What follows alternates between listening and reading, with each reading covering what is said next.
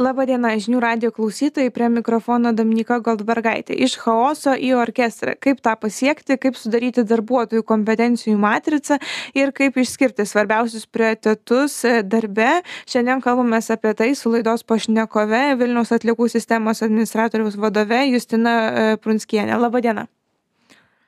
Labadiena. Tai e, gal trumpai papasakokit, ne, kiek jūs gal turit e, darbuotojų savo e, šiame ar ne e, darbe ir kiek, kiek įvairių dalykų turi atlikti tie darbuotojai, kiek platus spektras jų specialybių?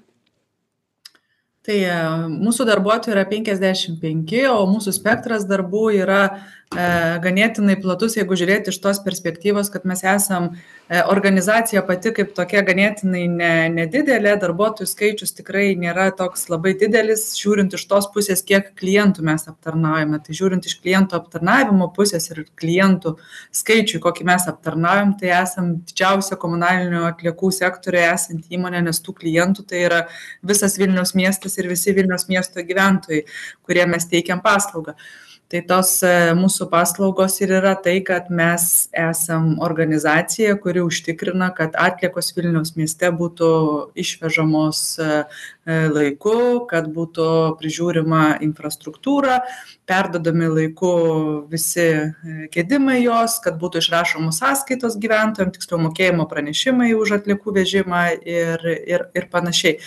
Tai iš tiesų šitą darbą atlieka tokie keturi didžiausi skyriai pas mus tai yra operatyvinės veiklos ir kontrolės skyrius teisės skyrius be abejonės it skyrius ir didžiausias skyrius kuris sudaro daugiausia žmonių tai yra klientų aptarnavimo tai tas front ofisas ir bek ofisas vadinamas Mm. Tai e, kaip jūs e, patys ir parašėte iš chaoso į orkestrą, tai gal jūs galite pasidalinti, kas buvo tas chaosas, su kuriuo jums reikėjo ne, susitarti ar ne ir jį kažkaip na, paversti darbuotojų motivaciją, paversti tuo dirbančiu, grojančiu unisono orkestru. E, tai iš tiesų susėdom ir sakom, kolegos, tai ką, ką, kaip mums sekėsi vakar diena? Ir visi pradeda gūžčiot pečiais ir supranti, kad atsakymų tai niekas neturi. Klausim, tai gerai, o tai koks buvo maršrutas, kur važiavo vežėjas, ką aptarnavo, ko neaptarnavo. Suprantu, kad klausimų, at, klausimams atsakymų nėra. Tai e, iš tas mūsų vadinamas chaosas, tai reiškia, kad mes vedėm kažkur galybę kažkokios informacijos, kažkas su kažkuo dirbo, kažkas kažką darė, kažkas kažkokią lentelę pildė, kam jinai reikalinga, niekas nežino ir tada pradėjom įvedinėti po truputį rodiklius organizacijoje, tam, kad mes galėtume pamatuoti, kaip mums vakar praėjo ta diena. Tai pradėję labai nuo mažų žingsnelių, e, nusipiešėm tos praeitos dienos e, paveikslą ir kiekvieną rytą su visomis komandomis, kurios egzistuoja organizacijoje. Susirinkimai startuoja nuo 8.30 e, ryto ir paskutinis yra mūsų kiekvieną dieną vadovų ir mes turim tokią rutiną, jau čia jau žinom, kad negalim nei kažkokių susitikimų organizuoti, nei nieko, kad čia jau yra griežtai mūsų susitikimo laikas.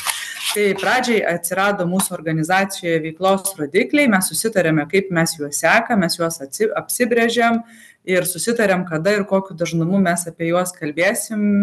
Tada akivaizdu mum teko išmokti ką su tais skaičiais daryti. Tai visokios investigacijos ir taip toliau kokius skaičius ir kokias normas mes toleruojam kokie nuokrypiai galimi kada jau mes turime kažkokių kitų planų imtis ir ir žodžiu ir viskas prasidėjo nuo šito tai kai atsirado veiklos rodikliai tai lygiai tada buvo labai aišku ir paprasta kalbėti apie apie funkcijas žmonių. Tada buvo labai aišku kad reikia susiinventorizuoti o ką mes iš tikrųjų darom. Tokiu būdu mes eliminavom tuos perteklinius procesus. Organizacija pradėjom diegti procesinį valdymą ir tokiu būdu buvo labai aišku kas yra kiekvienos funkcijos organizacijoj lyderis ir kas yra atsakingas už tai kad e, laiku pastebėti ar keičiasi kažkokia instrukcija ar reikia kažkokių patobulinimų programų e, programoje ir panašiai. E, tai sekantis dalykas kaip ir sakau atsirado tas identifikuotos funkcijos. Tada tom funkcijom buvo priskirti savininkai ir šeimininkai. E, sekantis dalykas, kuris sekė, tai šitam reikalui mes nusprendėme, yra, kurios funkcijos yra prioritetinės, kurios yra gyvybiškai svarbios organizacijai, kurios yra e, kaip e, palaikančiosios funkcijos tų pagrindinių. Tai atitinkamai, aišku, yra susiję ir su tais pagrindiniais procesais, ir su procesais viskas. Tai tada mes nusistatėme tuos prioritetus ir pats turbūt sudėtingiausias etapas, kuris, kuris sekė organizuojant tą mūsų komandinį darbą, pasitelkiant personalo valdymo priemonės, tai buvo tas resursų plano sukūrimas. Tai kai e, identifikavome tas funkcijas, identifikavome galinčius jas atlikti asmenis, atradome tų pilkųjų zonų ir supratome, o, o kas pas mus yra, kaip čia, be pakaitumo tai pasiruošėme su ugdymo planais ir startavome su, su, su nauja ugdymo programa, kur labai aiškiai kiekvienas vadovas kas, mus, kas pusmetį peržiūri progresą ir ugdomės naujas kompetencijas organizacijai. Mm. Tai kai atsirado tie resursų planai, ugdymų planai, tada akivaizdu kad jau nebėra ir nebeliko komandų ar kurios nebeturi kažkokių tikslų mm. ar tai asmeninės ar tai mažų komandų tai žodžiu čia viskas mm. taip viskas nuo viršaus ir keliavo iki pat tokių labai kasdienių dalykų. Tai kaip Jūs galvojate, tie visi dalykai, ta bendra sistema, kurią pavyko sukurti, kokią naudą Jūs pamatėt darbuotojų motivacijoje, galbūt, kai atsirado jau tokie, tokios aiškios gairės darbe?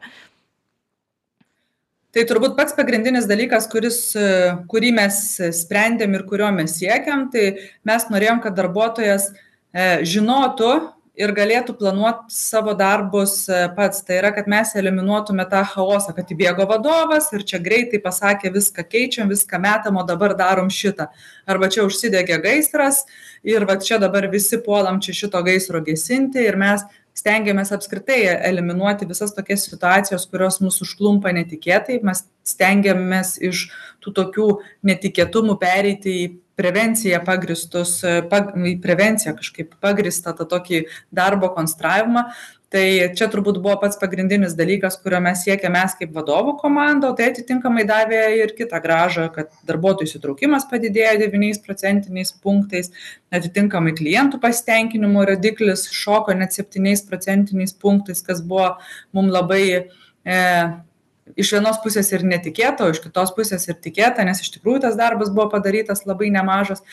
Ir e, prie tokių dar sėkmės dalykų turbūt įtraukčiau ir tai, kad e, buvo įdėktos ir e, inovatyvios užduočių valdymo programos lygiai grečiai tam, kad galėtume e, sėkmingai valdyti projektus, dalintis informaciją ir labai svarbu deleguoti užduotis tam, kad jos, jų vykdymas taptų efektyvesnis ir padidinti tą bendradarbiavimą tarp skyrių. Tai turbūt turbūt tiek. Na ir aišku čia kas be ko yra tas įgalinimas nes aiškios funkcijos aiškūs funkcijų lyderiai tai jie prisiima tokį šeimyniškumą už tai ir tai atitinkamai yra pagalba ir vadovams nes nes tokiu būdu mes ugdome ir skatin skatiname tą darbuotojų įgalinimą Mm. Tai e, mūsų laikas laidos jau e, išseko į pabaigą, man lieka padėkoti Jums, kad dalyvavote e, laidoje. Ačiū Jums labai. Žinių radio klausytėms noriu priminti, kad eterėje kalbėjo Vilnius atliekų sistemos administratoriaus vadovė Justina Prunskienė. Prie mikrofono buvo Dominika Goldbergaitė. Likite prisijungę. Iki.